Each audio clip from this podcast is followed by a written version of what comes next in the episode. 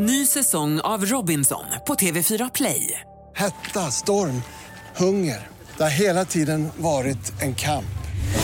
Nu är det blod och tårar. Fan händer just nu. Det. är Detta är inte okej. Robinson 2024, nu fucking kör vi!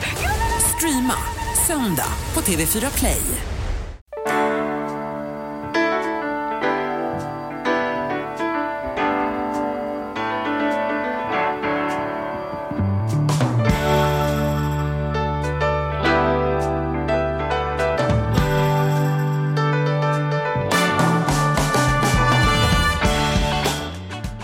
Och välkomna till Ekonomi på riktigt med Charlie i den här stolen och mitt emot mig har jag Mattias heter jag, min gamla parallellslalompolare. eller hur va? Hur är läget? Jo men det är bra. Vi, vill, vi kan väl börja med att säga att om det är några mystiska ljud som pågår under den här inspelningen så beror det på att av någon anledning så har någon, känns som någon har hackat vår studio, eller i alla fall hackar i väggarna i studion. Ja, ja. Så dyker det upp något konstigt ljud så kan vi tyvärr inte göra så mycket åt det för att vår eminenta gäst som vi snart ska presentera kan är ju inte, liksom. kan, är ju människor som kommer till oss. Och, eh, så. Så Men, vi men det borrar och smäller lite i taket som om Jönssonligan försökte ta sig in i vår Ja. studio uppifrån. Vi får väl hoppas att de, vi vet inte, men vi adresserar det redan nu så behöver Ja. inte någon känna att vad är det som pågår. Så är det. Hur är formen på dig? Den är mycket bra. Inget coronavirus in, i, i systemet? Nej, jag har väl funderat på att när ska jag packa ihop och flytta till, eh, till torpet. Eh, Är, är, det, Nej, är det- du lite så katastrofmänniska? Nej, eller? nej, nej, faktiskt inte. Men någonstans när man bor i en storstad med väldigt mycket människor och med den takt som det här viruset har ökat så är det klart att jag tänker tanken. Ja. eh, att undra om jag ska faktiskt packa ihop och, och bo i skogen en stund. Mhm. Eh, det, fast kanske inte på allvar. Men, men tanken slår mig. Ja. Och sen tänkte jag ju å dina vägnar, för du ska ju dra till Japan om, några, om någon månad i och för sig. Ja. Och då tänker jag att Så det är vad lite åt det där hållet och då är man ju så här, snacka om så här. Ja, Ja. kanske onödigt orolig. Just det. För jag ska nämligen äta lunch med dig dagen efter du kommer hem. Så Det, ju, egentligen- det, det här kommer vi fram till vad det egentligen handlar om. Jag Vågar du äta lunch med mig dagen efter jag kommit hem från Asien? Ja. Faktum är att jag, jag eh, läser inte så mycket eh, tidningar och följer inte så mycket tv så jag har inte riktigt, följt med riktigt i hypen. Men eh, eftersom eh, Men det kan ju inte ha undgått dig. Att, Nej, nej, nej, nej, nej, nej, absolut inte. Därför att Primus kommer hem från skolan och är orolig och funderar om corona. För det får de ju prata om i skolan hela tiden. Det, det är ju liksom en sån grej att det är någon sån här, de tittar på något sån här eh, Lilla Aktuellt eller sådana saker. Så då är ju han orolig för om han ska, liksom, har jag, när han är lite feber, har jag coronavirus kanske? Nej, det tror jag inte du har. Jag tror du bara har bondförkylning.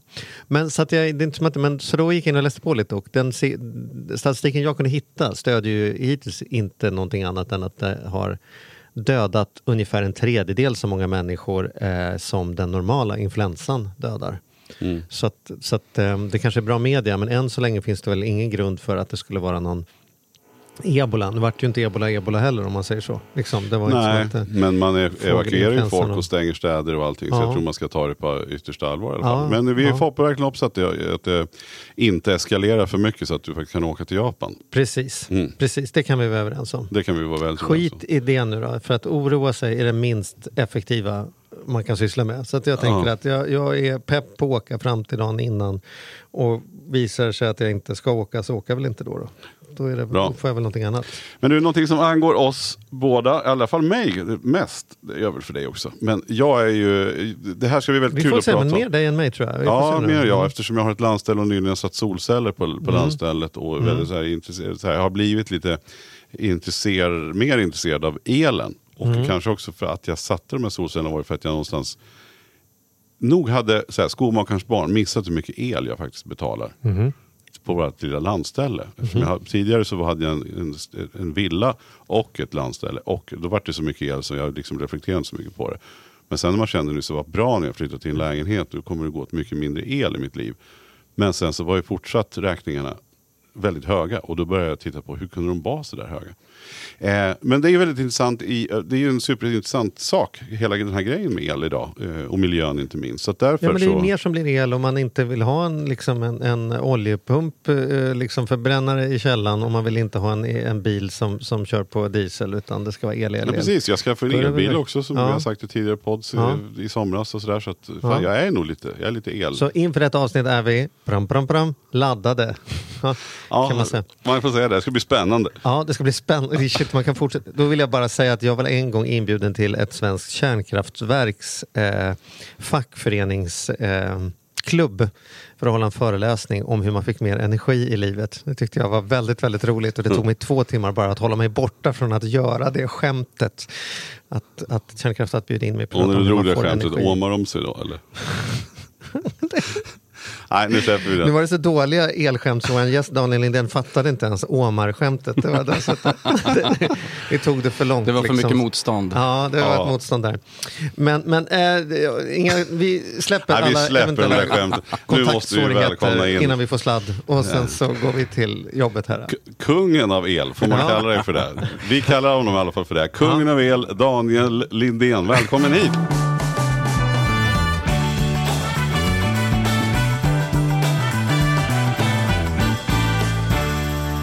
Tack så mycket. Tack, tack. Står det det på ditt visitkort? Kungen av el? Eh, Det borde kanske göra det. Nej, det gör det inte tyvärr. Nej. Känns, det, känns det att det blir många elskämt i, i din bransch eller är, är det bara vi som är lite... Jag, jag tror att de lite är över faktiskt. Ja. Men eh, ja, det kan väl komma ett annat Ja. Jag har, ju Ja, varit 20, jag har en gång gått in till på en läderverkstad och sagt, har, eh, är det kul att jobba här? Jag menar, ni garvar ju hela dagen. Bara för att kunna få... Mm. Nåväl. Ja, och ska vi gå in i den här, då kommer Charlie, då skulle han kunna sitta här i en timme och bara dra massa eh, skämt. Och det värsta är att jag tycker att de är rätt roliga. Göteborgspodden. Välkommen Nej, till men det, det, Göteborgspodden. du har en annan nivå på det. det är Okej. liksom, ja. tack. Men återigen, vi släpper det Så än inte en så gång. mycket eh, elskämt på dig. Men el har ju blivit din grej verkligen. Ja, det har det väl blivit, absolut. Jag har ju mm, jobbat sjukt många år med el liksom, så att eh, det har ju blivit liksom en, eh, det har blivit ett litet livsval kan man säga. Mm. Ja.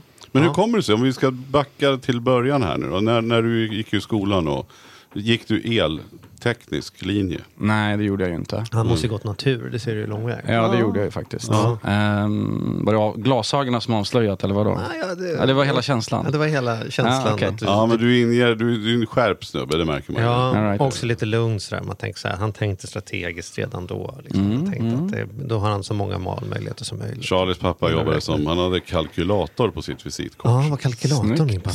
Så att, eh, han känner igen en naturperson när han ser den. Mm. Ja, ja, men då började du där. Och Det, sen, det, grejen är att det var mitt första jobb, eller mitt riktiga första jobb var det, då började jag jobba på ett elbolag som fanns i Sundsvall där jag är uppvuxen. Mm. Eh, som sen varit uppköpt av ett stort tyskt bolag som eh, liksom slukade upp stora delar av, av elbolag i Sverige. Och sen dess har jag jobbat med el, elbranschen liksom hela livet i princip. Mm. Från dess. hur gammal är du nu? 36. Mm. Men då har du, kan man ju säga att du har lite erfarenhet av det. Ja, jag har jobbat en hel del med Mm. det. Stämmer. Och hur har elbranschen utvecklat sig från det att du började tills där vi står idag? Det är liksom, många branscher har ju genomgått en dramatisk förändring och man kan ju hitt- hitta på då att det borde väl vara så på elsidan också, eller? Det var, mm, eh, det var lite sjukt för att när jag började där eh, så eh, var det någon som målade upp bilden om att elbranschen står inför nästa jätterevolution. Eh, typ så här, man hade tittat på telekom. Det liksom var fasta linjer. Mobiltelefonerna kom in, helt plötsligt var det trådlöst. Man kan åka mellan länder. Liksom, det här var den stora revolutionen som hade skett i, eh, i andra branscher. Och så såg man framför sig att el är nästa grej. Liksom. Trådlös el. Ja men eh, typ, men man pratar om solceller, elbilar. Eh, liksom, ja, på den tiden kanske man inte pratade om batterier då, men man pratade om de här sakerna och liksom hur det här skulle förändras totalt sett. Eh, och allting. Så det workshoppades mycket. Hur, ja det gjorde det. Ja. Och det var liksom mycket buzzwords. Och eh, den här dammiga industrin eh, liksom skulle omvälvas totalt. Och man visste inte vem det som skulle komma in och stjälpa hela den här industrin för det skulle gå åt något annat håll. Liksom. Eh, så att tio år senare hade det ju inte hänt någonting. Nej. Så det var ju exakt samma grej.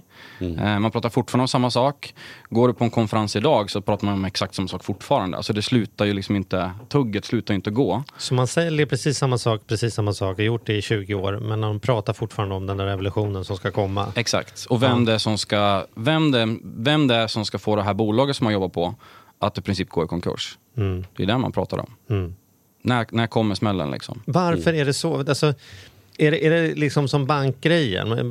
Man, brukar ju säga det, varför är banker inte så innovativa? Därför att de har en affärsmodell som har funkat fruktansvärt bra i typ 200 år. Väldigt liten anledning för dem att förändra någonting.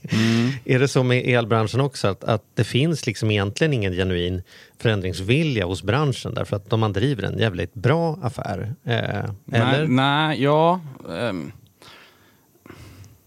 så här, man har ju monopol också. Mm.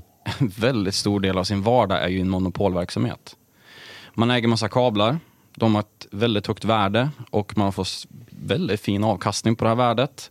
Man har vattenkraftstationer, man har kärnkraftstationer som nu dock läggs ner och kostar massa pengar i avvecklingen. Men man, man sitter på massvis med liksom kapital som ger bra avkastning. Och det är ingen som kan rucka på det här. Det är inte så att nätet inte behövs imorgon. Det behövs, du kan ju ta lika mycket betalt om inte nästan mer dagen efter. Det är inte så att vattenkraftstationen slutar få vatten till sig utan den pumpar ju fortfarande ut liksom svin mycket pengar. Mm. Eh, så att eh, en stor del av verksamheten är ju liksom monopol. Eh, så om ens kollegor på branschen, om någon är konkurrensutsatt så tycker man lite synd om dem för att de jobbar ju på försäljningsavdelningen och de måste jobba med kunder och hela biten. Eh, men eh, de, liksom, innovationsandan osar ju inte på de här bolagen direkt. Mhm. Man vill mycket men man har ju otroligt svårt att göra någonting. Mm. Det är en, en eh, oljetankar som inte är så lätt att vända. Utav dess like. Och hur påverkar det oss kunder då? Jag menar, liksom, el är ju, nu, nu ska jag ju svära lite i kyrkan här då, men el är ju inte den sexigaste ämnet, tänker man så här spontant. Jag menar, jag vet inte om du känner igen detta. Vad men tänker det, du då? Nej, men jag tänker när du går på mingelfest och så frågar folk så här, vad jobbar du med? Så bara, "Ja, jag är rockstjärna, vad jobbar du med? Jag jobbar med el. Jaha, Mm. rockstjärna, berätta lite mer. Tänker jag att det blir då, att man inte blir så här, åh, äntligen får vi prata om elgrejen. Fast har inte det förändrats? För Jag jag, tänker, inte. jag skulle nog kunna tänka att fan vad sexigt att kunna mycket om el. Med tanke på, som vi inledde med att snacka om, med solceller, Jo, men elbilar. det kunna mycket, men liksom så här, det kanske inte är den räkningen man är mest passionerad över att hålla på och läsa eller liksom så här, wow, vad gör vi med det, det, det, Finns det inte något så här lite snusförnuftigt? Det här är en fast kostnad, vi vill inte ha onödigt och man har liksom läst alla reportage om att man borde släcka lamporna i de rummen man inte är och stänga av datorn när man går och lägger sig. och. Så här, Ja, ja, jag, jag, vet, jag vet det. Jag borde ha svagströmslampor överallt som jag slår i fötterna i trösklarna och liksom så här. Eller? Eller är det bara jag som tycker att el är lite... Nej men det, jag tror att det, nej, nej, men det är en allmän uppfatt- uppfattning, helt klart. Eh, det här är ju ett, alltså det, är- det är ett problem. Mm. Inte för mig som går på en fest så ska introducera vad jag sysslar med, men eh, det, det är ju ett problem för att energi är ju en väldigt, väldigt viktig fråga. Alltså om man tittar på klimatutmaningen globalt sett så är det en av de största områdena som är. Och så är folk inte jätteintresserade. Alltså det är ju ett, det är ett Ja, jätteproblem. det är märkligt. Hur, hur, jag måste ändå säga, el är ju så mycket mer än kärnkraft. Kärnkraft är ju en del att få fram el på. Men eh, från nu att man, från 80-talet när man gick ut och, och körde folkomröstningen om kärnkraft och man landade i den här linje 2 som gjorde att man skulle avveckla över en tid och sådär. Så har det ju nu blivit en ganska ny het debatt om det här med att man lägger ner kärnkraftverken och så. Har du någon åsikt om det? Det är inte därför du är här för att prata om kärnkraften. Men det är bara kul att höra dig som har varit i elbranschen så länge. Okej, så den, den, den kärnkraften som man byggde först, den, den visade sig att det fanns ju vissa brister med den. Eh, som vi fick eh, se till och med liksom, dokumentärer om. Eh, den som vi har byggt i Sverige, den är ju, den är ju stabil. Liksom. Den har ju fungerat väldigt bra. Vi har haft eh, liksom, väldigt lite problem med den och det har ju fungerat otroligt bra. Men det är också så här att, att bygga ett nytt kärnkraftverk, det är ju en enorm risk idag i form av ekonomi. Därför att det är så mycket säkerhetsregler kring de här kärnkraftverken som ska byggas. Att, och det tar så långt att bygga det. Så att, och så sen har vi den politiska aspekten på det hela som är så här, vad kommer spelplanen vara de kommande 30-50 åren? Ja, det är ingen som vet. Så liksom att börja bygga ett kärnkraftverk idag, det är liksom, jag tror inte det är någon som vågar ens göra det. Även om vi går ut och säger så här, ja men nu Vattenfall, nu är det dags. Nu får ni green card här, kör hårt jag tror inte inne på styrelserummet att man tycker så här, hoho, let's do this. Utan då är man nog, ah, shit, ska vi verkligen göra det här? Då ska vi inte bygga liksom vindkraftverk överallt istället och satsa på det som vi vet att vi kan fortsätta göra. Teknologin är ju rätt, alltså den är ju rätt häftig egentligen, den som man har, har uppfunnit med kärnkraft. Och den fungerar ju faktiskt ganska bra. Men går det dåligt så går det ju ruskigt dåligt alltså. Men om vi ska återkoppla till eh, också lite mer kärnfrågan om varför du är här. Kan du inte berätta vad du... Kärnfrågan. Ah, Förlåt. eh, ja. ehm, jo, eh, berätta. Du har ju, du är grundare till ett bolag. Det är jag. Du försöker ju utmana de här oljetankervärlden här, eller? Ja, absolut. Alltså min, som jag började med så var det någonstans här, det, det, är ett, det är ett stort problem att folk inte är intresserade. Mm. Det här är en jättestor fråga. Den är viktig för, liksom, den är viktig för miljön och den är, den är också privatekonomiskt viktig. Det är en av de största kostnaderna som en privatperson har om man bor i villa. Eh, det är typ, Eller om man har ett fritidshus kan jag skriva under på. Så Ja. en stor kostnad. Finns det, kan man säga så här, hur, var ligger den här räkningen? Rent statistiskt sett, hur mycket av en hushållsekonomi går till el? det beror ju på kanske vart man bor i Sverige. Men jag skulle säga Ja. att bor man i inte någon av de här storstäderna så kanske det är den största kostnaden man har. Den är större än lånet Mm. eh, man har. Eh, och försäkringarna. Så att, eh, det är ju en jättestor kostnad. En normalvilla eh, gör jag med någonstans mellan 15 och 25 000 kilowattimmar. Och skulle du omsätta det enkelt i pengar så är det ju ungefär 15 till 25 000 kronor per år. Mm. Och, det, och det, den, den, den jobbiga med den är oftast får man den största räkningen eh, i januari. För det är då man har gjort av med mest el. Och den kan liksom vara 5, 6, 7 Fattigmånader. tusen kronor. Och det är ju ändå intressant om man tittar på, liksom, slå på tvn och se hur många reportage som gör om hur räntepriset, eller räntorna går upp och ner och vad rän- boräntan ska vara och inte ska vara. Så Mm. ser man motsvarande hur många reportage som gör om, om elpriset är på väg upp och ner eller, eller vad ska man ha bunden eller rörligt elavtal så kan man ju konstatera att det finns ju tio gånger mer skrivet och filmat om boräntor än vad det finns om, om elpriset. Ja, det gör det absolut. Nej, men, så det var, mi- mitt största eh, bekymmer med det här det var ju liksom ett väldigt lågt enga- engagemang. Väldigt liksom, för få personer som, som, eh, som tycker det är superintressant. Och det är ju för att ingen har gjort det här riktigt bra, kände jag. Eh, Och, och vad är det folk tycker är intressant? Kostnaden, är det den vi pratar om nu? Vad är det som är intressant? Är det alltså vilken sorts el vi ska ha som vi pratade om nyss? Eller är det just det här med kostnads... Att man inte håller på och vaskar abonnemangen, massa pengar. avtalen som, som folk sitter med? Jag tror att man känner sig, anledningen till att man inte tycker det här är jätteintressant är för att man känner sig ganska maktlös. Alltså det är det, det är det största problemet. Man känner att man har fått någonting som du betalar för men du kan inte påverka det. Eh, och så, så får man en faktura och så in, inte ens med civilingenjörsexamen så går man igenom den och inser liksom, vad är det här egentligen? Utan man inser att det är ganska komplext, försöka penetrera vad är det faktiskt jag fått betala för. Eh, det är en faktura från nätsidan och en faktura från ett elhandelsbolag. Det är massvis med olika poster på dem. Det är kilowattimmar som man har svårt att relatera till. Eh, och det här är ju ett problem. Precis, Liksom och den här, om vi börjar bena ut det där, för det här tror jag är ganska intressant ur ett privatekonomiskt perspektiv. Då. Eh, det här med den här fasta, den, den kan man ju inte överhuvudtaget påverka. Du kan ju påverka den, för den baseras på hur mycket el du använder. Så att använder du mindre el så går kostnaden ner. Men sen den fasta komponenten som finns på den nätfakturan som brukar vara på eh, någon tusenlapp per år. Den är ju eh, den är också beroende på hur stor säkring du har hemma. Ja, så där kan man få en elektriker som ändrar stor- storleken på säkringen och på så sätt så kan man då få ner sig en fasta kostnad. Men det är ändå märkligt, för det är på tal om monopol. Där är det ju någon som har, i det här området så är det den här leverantören som har monopol på den fasta. Och sen, jaha. Det var, kan det, var de glada kollegorna i det där stora elbolaget som, Ja. som alltid kunde skicka sin faktura på Ja, just det. De var grupperna. glada. Ja. Ja, precis. Men den, den är inte så, så till att börja med, börja där då. Om vi börjar med lifehacksen här. Den sägs att den är fast, men man kan faktiskt påverka genom att ändra vad man har för, har för matning in eller vad man har för säkring. Ja, precis vilken in. säkringsstorlek man har. Ja. Mm, men sen ska du starta dammsugaren samtidigt som du har ugnen igång och sen så, då så går säkringen. Nej, men har, vi, har vi generellt sett för, för, för stor, är det som att hälften av alla som lyssnar på detta skulle kunna spara ett, ett par hundralappar på bara byta säkring eller skulle man då helt plötsligt måste barnen stänga av Netflix när man ska dra igång Jag tror definitivt, om man har gjort saker och ting i hemmet, typ så här man har bytt till en värmepump, eller man har haft en direktverkande elvilla och så har man satt in en sån här luftvärmepump i hemmet, eh, eller man har gjort tilläggsisolering och sådana saker, då sjunker ju elförbrukningen och sjunker också effekten. Men det är sällan man går ut och börjar fundera på, ska jag byta min säkring nu? Men hade man gjort det då, då hade man kanske kunnat spara ner det. Hur gör jag det då? Hur listar jag ut vad jag har för säkring och kan jag liksom öppna proppskåpet Ja. och titta någonstans?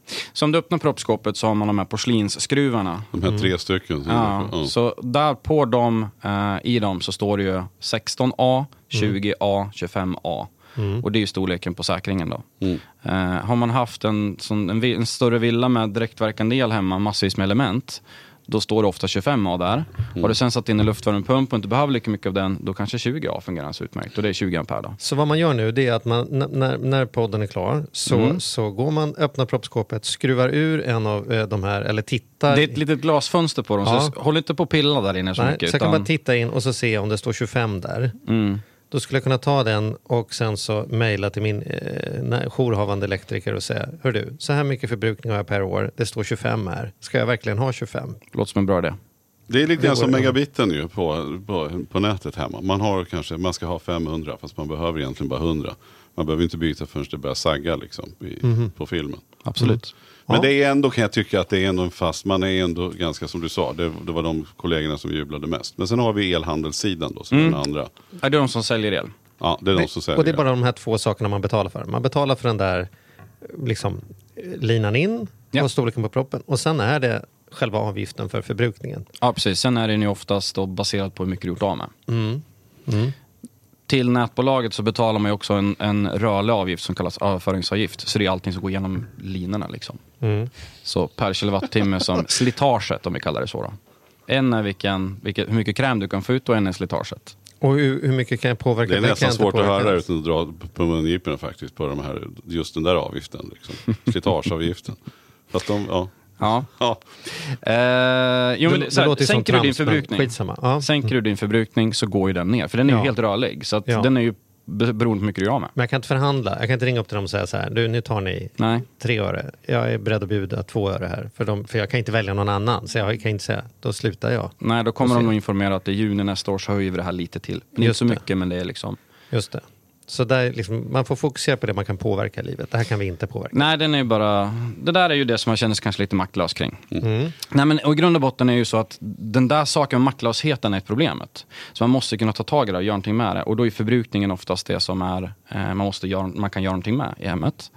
Ehm, och eh, efter att ha jobbat i elbranschen jättemånga år så insåg jag en sak och det är liksom att eh, konsumenter vill förbruka mindre el. Elbolag vill sälja mer el. De tjänar alla sina pengar på att sälja el. Och så fastnar man i den här ekvationen. Så om någon ska hjälpa mig att förbruka mindre el, om det inte är den som ska leverera det till mig, vem ska då göra det? Mm. Det här är ju någonting som är helt liksom bakvänt. Just det, för det finns bara två, i normalt sett är det bara två parter. Den ena vill sälja mer och den andra vill ha mindre. Ja. Och då blir det inte så mycket annat än att den här enhandelsgrejen möjligen att man kan titta på olika leverantörer. Men that's it ju. Exakt. Det är som att boka avgiftning hos sin lokala knarklangare och tro att man ska få en bra avgiftningsprocess. Liksom det, Det, det, ja, ja, det blir inget bra. det, är det, det är det det handlar om. Det är precis. Ja, du får den av mig. kan du göra en film på. Ja. Ja, incitamenten är otydliga. Ja, exakt. Ja. Så att vi, vi grundade ju det vi, det vi säger är ehm, världens första digitala elbolag. Eh, så vi samlade ihop alla smarta killar och tjejer som vi kände i branschen och så grundade vi eh, bolaget Tibber som är en digital elleverantör. Och vi tjänar inga pengar på att sälja mer el. Vi tjänar inte pengar på el. Så vi försöker få våra konsumenter att förbruka så lite som möjligt. Och det man ändå har kvar ska man förbruka så smart som möjligt. Mhm. Så jag köper kilowattimmarna av er Mm. Och ni upphandlar, ni sitter ju inte i källaren och tillverkar kilowattimmar då? Nej. Genom att liksom gnugga skosulor mot katter eller något, utan då har ju ni köpt dem i er tur någonstans då? Så vi söker upp gröna elproducenter, alltså vindkraftverk, eh, privatpersoner med solceller på taket. Eh, köper vi mycket el ifrån. Eh, eller en vattenkraftstation som står i någon fors någonstans. Och så handlar vi upp det kontinuerligt åt våra, våra kunder. Och så har vi byggt ett helt digitalt system som gör det här åt oss. Eh, så att vi kan få ner kostnaden så lågt som möjligt. Och nettot där, det vill säga vad är kostnaden när vi fick igenom det hela vägen till konsumenten? Det får ju du som kund betala.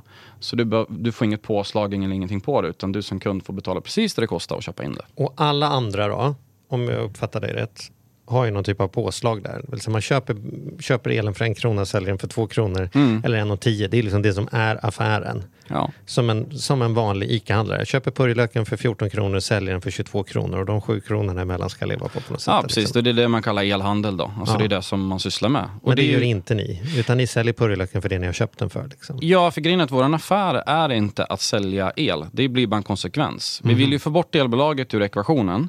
För då kan vi då, för det första då får vi tag på din information om förbrukning. Mhm. Så i vår app så kan du se hur mycket du gör av med. Du kan se per timme. Du kan se, vi har också byggt matematiska modeller för att räkna ut vad du har gjort av med i hemmet. Du kan se hur mycket av din elräkning som gått på uppvärmning eller mycket som står alltid på hemma. Och så jämför vi med andra hem så du ser om det här är rimligt eller inte. Gör jag med mycket el i mitt hem eller gör jag med lite el i mitt hem jämfört med andra hem? För att du ska få medvetenheten. Nu är jag risk att jag eh, går på, eh, kastar mig ut i en bassäng jag inte kan se mig. Men hur, hur går det till? Hur kan ni lista ut Alltså el är ju el. Hur kan du se om jag har gjort av med det på uppvärmning eller på bakning eller på liksom Mm. Ja, men- lampor? Och det är ju så här. Vi drivs ju av att hjälpa konsumenten att göra med mindre el. Ja, Så att vår drivkraft är att försöka lösa de här grejerna. ja. Så istället för att anställa 15 stycken telemarketingpersoner som sitter och ringer till, alla våra, till, till massa kunder och ska sälja elavtal. Så har jag anställt ett helt gäng med matematiker. Mm. Som på vanlig till dagligdags sitter och analyserar mätdata. Så de får in data från din elmätare. Och så bygger vi då matematiska modeller som ser mönster. Och i de här mönstren så kan vi då se att mhm, om temperaturen går ner utomhus, då går din förbrukning upp. Okej, om den fortsätter gå upp en grad till, hur mycket ökar den då? Och så börjar man se mönstren och då lär man en modell. Och den modellen klarar av till slut att säga så här, aha, okej, det här huset, den gör av med så här mycket uppvärmning, för den drivs av temperaturen utomhus. Mm. Alltid på är ett annat sånt ganska enkelt. Det som alltid står på i hemmet. Så. Den, eh, det är ju det som, liksom, det kan man enkelt klassificera som alltid på. Det du använder till lampor, spis och sånt här. De används ju inte på natten utan de används ju när du kliver upp eller vaknar och använder och sen så åker du kanske till jobbet och liknande saker. Så genom att analysera mönstret av energidatan som kommer från en elmätare så kan vi börja berätta de här sakerna. Mm. Och då börjar man som konsument förstå vad det går till och så gör man det begripligt. Och då börjar man kunna, aha, vänta nu, vi gör ju av med mer uppvärmning än någon annat hus. Och vi, det, här, det här ser ju inte bra ut, det här borde vi göra någonting med. Och så helt plötsligt så får man ett incitament varför man ska göra det och vart man ska börja leta. Och så hjälper vi konsumenten egentligen att bli smartare med hur man använder el i hemmet. Och då säger ni att ni borde skaffa en luftvärmepump. Och så skickar ni folk till en luftvärmepumpföretag och så får ni en katt på det. Eh, ja, nu, exakt så gör vi inte. Vi säljer inte luftvärmepumpar eller hänvisar till det. Men det kan ju vara en av råden vi ger. Mm. Absolut. Men hur- vad är eran affär Vad då? är eran affär? Någonstans måste du betala de här matematikerna. Jo, men grejen är att då är, det är ju en enkel grej att göra. Så att du kan skaffa en luftvärmepump. Men då kommer vi till nästa del. Och det är det att luftvärmepumpen, den förbrukar visst mycket el. Och så har du det 22 grader inne. Och sen åker du till jobbet. Då står den ju fortfarande kvar på 22 grader. Mm. Och så är du där på jobbet, så kommer du hem, så är den fortfarande på 22 grader. Men egentligen om man hade gjort det lite smartare så hade man ju sänkt temperaturen precis innan du åker till jobbet. Och sen har man börjat öka på temperaturen igen innan du kom tillbaka från jobbet. Och det här är ju någonting vi har hittat att här går det att göra saker och ting väldigt mycket smartare. Men du som, du som privatperson kommer inte kunna stå med en fjärrkontroll och liksom sätta av och på temperaturen. Så då har vi, säljer vi till exempel en smart termostat som du kan sätta på väggen och den pratar med värmepumpen. Det är nu vi börjar närma oss Alexa här. På något sätt va? Mm. Att, att, vi, att någon, det finns någon digital familjemedlem som, som skulle kunna ta hand om såna här saker. Och där är- antar jag att vi bara är precis i början. Men, men att det borde kunna bara bli bättre och bättre. Sånt vi sysslar med. Att den på riktigt kan Säger jag, säger jag till min digitala assistent att eh, du, du, tyvärr måste vi vara hemma med primis idag. Kan du ringa och sjukanmäla honom till skolan? Så gör den det. Men den säger också, då tar jag mig friheten att höja temperaturen två grader under dagen eftersom ni tydligen ska vara hemma. Ja. Liksom. Ja men absolut. Eller det verkar som du kör ugnen, då kan jag sänka, sänka temperaturen i köket för det kommer bli varmt nog ändå eftersom du Nej, har nu, sagt, precis. släppt in en stek här. Liksom. Och, och det är precis det här som är grejen att efter man har börjat förstått vad man använder energi till så måste man göra någonting med det. Alltså, och göra någonting med det, det kan man göra med att, som du sa förut, man ska släcka lampan när man lämnar ett rum. Man ska sänka temperaturen när man åker bort. Eh, problemet är bara det att när du åker bort på semester till Japan och så kommer du hem och så är det ju svinkallt för att du har sänkt temperaturen. Då tar det ett halvdag innan den är varm igen. Då hade man gärna velat att någon gjorde det där åt dig. Så innan du kom hem så är det någon som har räknat ut när man ska börja värma. Och så värma hemmet innan du kommer hem. Och det är det vi sysslar med. Så då, en, ett sätt för oss att tjäna pengar på det är att vi säljer utrustning till folk så att man kan koppla upp och göra sina hem smartare. Så istället för att tjäna pengar på att sälja el så tjänar vi pengar på att hjälpa folk att bli klimatsmartare, att använda mindre el och därmed få lägre energikostnad. Den klimatsmarta delen här är ju, är ju samma sak som den ekonomiska smartheten. Att man måste också ställa sig frågan, hur smart är det? Alltså, om jag investerar tusen kronor i en dator som listar ut hur jag, ska, hur jag ska spara el i köket och den gör att jag sparar 120 kronor per år, då tar det ändå åtta år innan jag får tillbaks de pengarna. Mm. Och likadant, liksom, byter jag till treglasfönster så minskar min förbrukning. Det är bra för miljön. Men å andra sidan kostar det en massa energi att tillverka treglasfönster. Så det tar många år innan de... Liksom, det är ganska komplext det här att lista ut. Vad är det som egentligen är en besparing? Både miljön och ekonomiskt sett. Liksom. Vad tänker du kring det? För där tycker jag vi konsumenter har väldigt svårt att egentligen se skillnad på vad som kostnad och kostnad. Liksom. Ja, när det kommer till miljö är det verkligen så. Och speciellt när du tillverkar fysiska produkter. Eh, en sån där smart termostat till exempel man stoppar på väggen, de är billiga. Det är inga dyra saker vi pratar om. Eh, så du kommer kunna spara ihop den ekonomiskt väldigt snabbt. Men frågeställningen är, är den hållbar? För den har ju tillverkats någonstans med lite plast i sig och kisel och, och elektriska komponenter. Och har transporterat säkert, för de är högst troligen inte gjord i Ljungby. Liksom. Nej, exakt. Ehm, så vad vi gör, det är att vi har, alltså man har en sån livscykelanalys. Så vi har ett team som jobbar bara med att titta på vad är footprinten på varje pryl vi gör. När vi tillverkar dem, alltså vilken el använder vår fabrik som vi gör den av till exempel. Vilken plast använder man, hur kom den pelletsen som gjort plasten av? Eh, så vi, eh, vi gör ett väldigt sånt djupt arbete för att komma fram till Spara den här produkten mer energi än vad den kostar att tillverka eh, i form av liksom miljöpåverkan. Eh, och så långt som vi har kommit idag, när vi försöker gräva upp allt vi kan, så är svaret ja. Alltså det här är klimatsmart att göra på det här sättet. Så smart teknik gör faktiskt besparingar. Eh, men eh, det är säkert att alla produkter ute i marknaden inte gör det. Det där är så himla bra. Jag blir väldigt imponerad av ert sätt att arbeta. För att det är så mycket av sån här utveckling som sker liksom, på politisk väg. Och då helt plötsligt är retoriken viktigare. Eller viktigare att visa handlingskraft, att det gör någonting. Än om man räknar på om det i själva verket blir något slutresultat eller inte. Så det är skönt då att höra att det är ett gäng matematiker som jobbar på detta. Som skiter ganska fullständigt i om, om det ser bra ut eller inte ser bra ut. Utan antingen visar det plus eller så visar det inte plus. Liksom. Men man vill gärna veta siffran i alla fall. För vet Ja. man inte siffran då kan man inte ta, göra någonting med det. Och det är väl det viktiga. Ja, ja. Men det är väl så det ser ut med allt idag, tänker jag. Det är ingenjörerna och inte användarna. Det är ingenjörerna som är de smarta som skapar apparna egentligen. Jo, jo, jo. Men det- det- titta på hela miljörörelsen, hur mycket saker som folk sysslar med alltså, där ingen riktigt kan svara på om det här är till fördel eller inte. Det beror på hur man räknar, det beror på hur man tänker. Du och jag har ju suttit och rerat över, ska man köpa ekologisk sparris som har flugit hit eller ska man köpa närodlad som är besprutad? Liksom så här, nej, men vi ska ju satsa på det svenska, okej, men, men kan vi räkna, kan de konstatera om det på riktigt är bättre? Eller Nej, men det där, och på Alltså, den här nivån är det ju, på är det ju superintressant. Jag bara återigen återkopplat till de här solcellerna som jag satt i våran, på, på fritidshuset då. Så, så fick jag ju en ekonomisk uträkning eh, som jag litar på att den stämmer. Men det skulle ju också ta 11 år innan vi hade räknat hem totalkostnaden. Men det känns ju också bra i magen på något sätt. Så att det var väl det som ändå fick beslutet. Jag menar, 11 år är ganska långt bort. Men då har, man ju inte tänkt på det här som ska byggas och, Och göras. det är ju och- 11 år beräknat av en knarklangare, ska man ändå veta. Han tjänar ju ändå pengar Det är lite så det detta. Exakt så. Så- Och så det vilket jag har beaktat. Men det ser coolt ut. Ja, ja, ja, Nej, men det känns absolut. bra i magen. Men, men lite så är det ju. Men sen funderar jag på, för nu har jag börjat tänkt här, nu kommer jag ner på nivåer som, eh, som säkert är överkurs för dig, men som ändå är lite intressant. När jag lämnar mitt fritidshus så, vill jag ju, så drar vi ju ner. För ibland, kan det, ibland så tar det kanske fyra dagar innan jag är där och ibland så tar det två veckor. Det, vi vet inte själva när vi åker, så det är ganska spontant. Så här.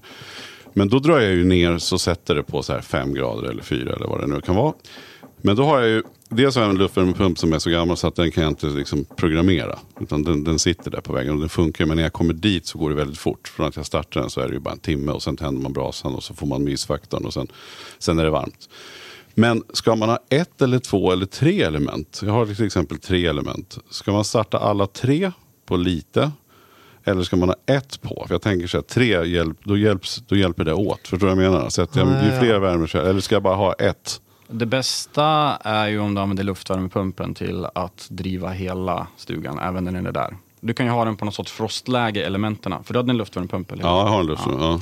Så den är ju effektivast, för den kan ju... Och då ska den, jag dra ner den så att den ständigt står på, fast på frostläge. Typ. Ja, det är nästan det bästa. För grejen är att den är ju, mest, den är ju bäst på att göra det här. Mm. Eh, det är ju en, ett elelement fungerar så du tar in liksom en kilowattimme och så får du ut i princip samma mängd energi i värme. För den, den, den har ju liksom ingen den har ingen vettig verkningsgrad på det sättet. Nej. Medan en luftvärmepump är byggd för att ta in lite energi men gör väldigt mycket värme av den. Ja. Så den är mycket mer effektiv än elementen är. Så de, jag skulle rekommendera hellre en högre temperatur i sådana fall på luftvärmepumpen än att köra elelementen som ska hålla liv hela liksom det.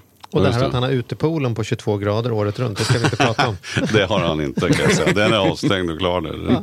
Den har inte fryst den för det är inga minusgrader i år. Men du generellt sett, vad, ska, vad kan man säga då? Om man, om man är villaboende eller fritidshus, liksom, vad, vad, är, vad är de enklaste sakerna? Vad, vad, om jag hade kommit till dig, vad är de tre första grejerna ni har rekommenderat mig att installera eller ändra om? Som man kan säga, du vet så här, nästan på alla.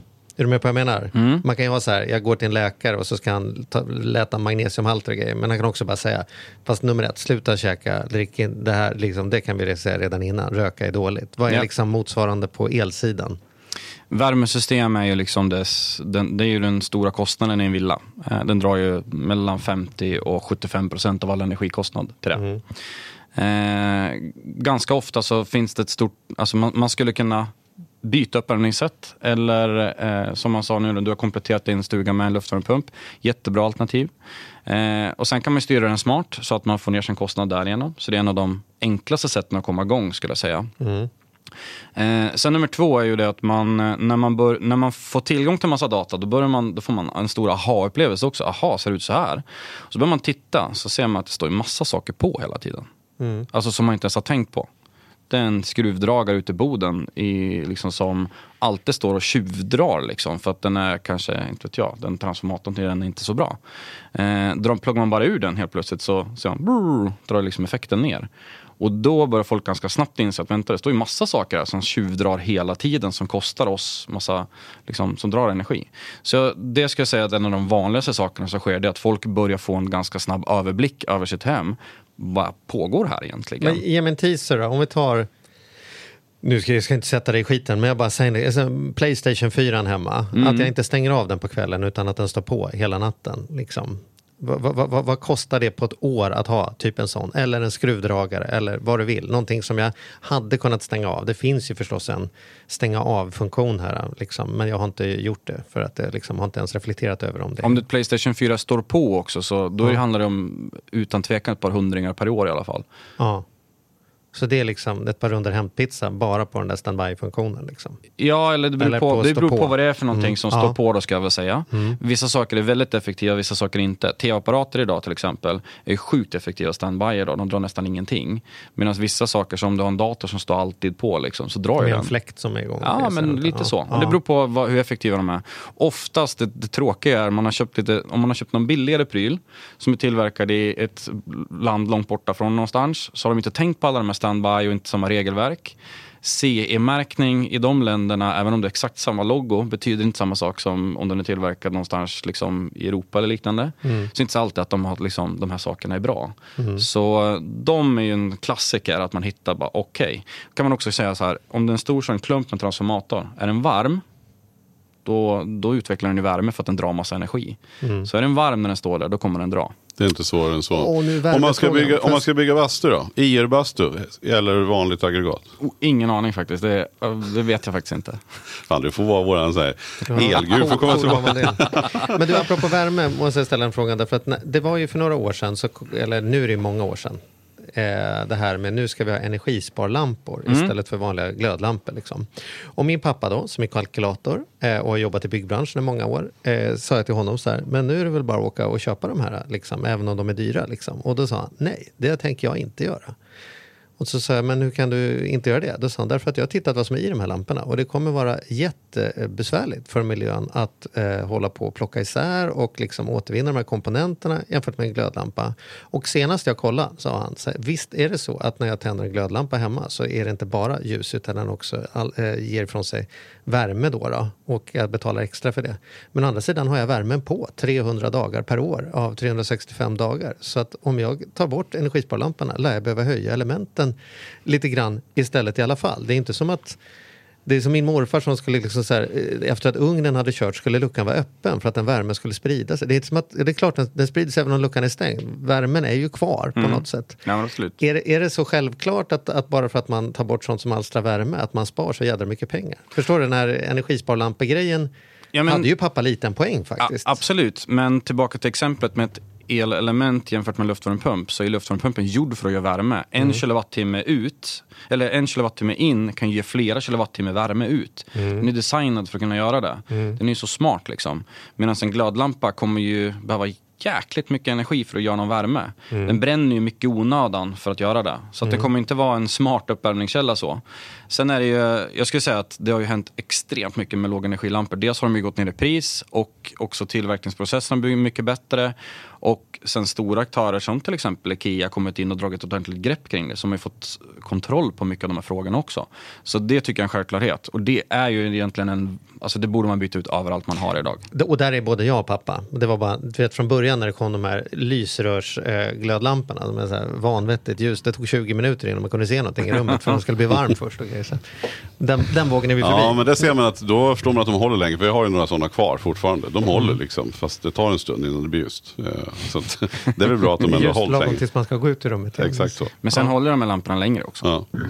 Vilket är en bra effekt. Men om man då vill testa på det här så kan man gå in då. Det finns en app som heter Tibber. Yes. Det, är där, det är där du är och det är där du verkar idag. Och då kan man testa på och se om det är effektivt. Det kostar inget att gå in och få lite rådgivning där, eller?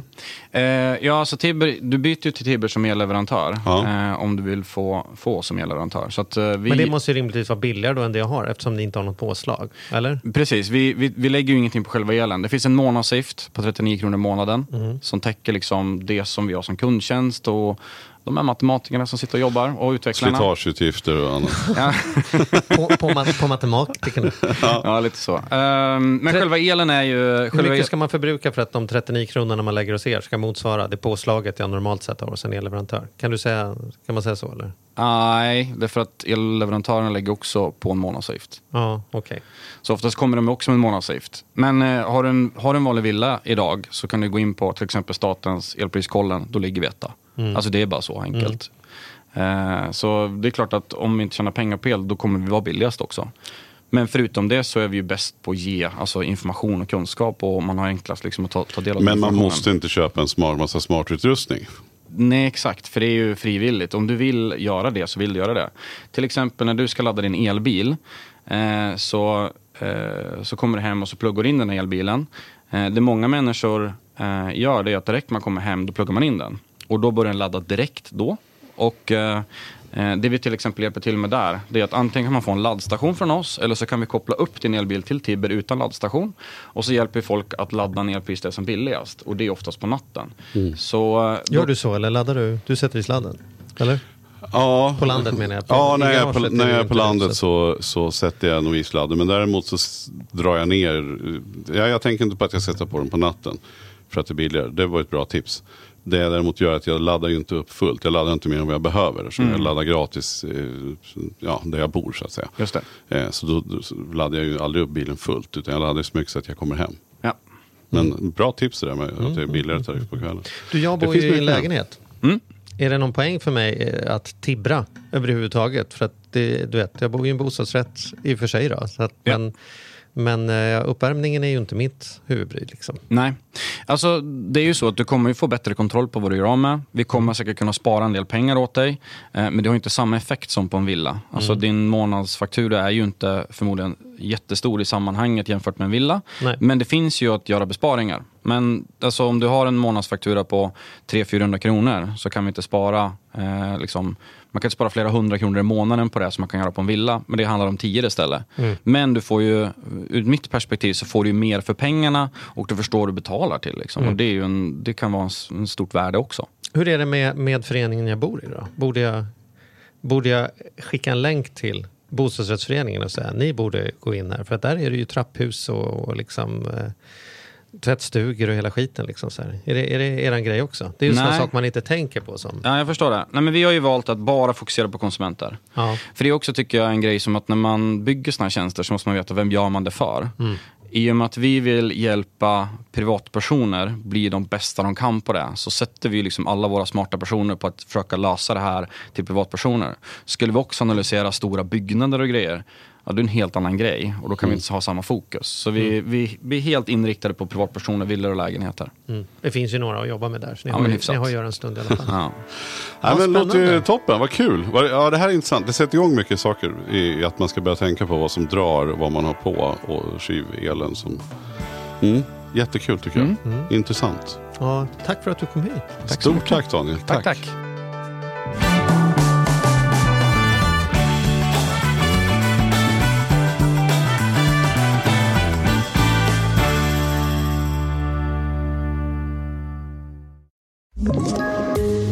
Poddtips från Podplay. I podden Något Kaiko garanterar östgötarna Brutti och jag, Davva, dig en stor dos skratt. Där följer jag pladask för köttätandet igen. Man är lite som en jävla vampyr. Man har fått lite blodsmak och då måste man ha mer. Udda spaningar, fängslande anekdoter och en och annan arg rant. Jag måste ha mitt kaffe på morgonen för annars är jag ingen trevlig människa. Då är du ingen trevlig människa, punkt. Något Kaiko, hör du på Podplay. Därför arkadeinerna.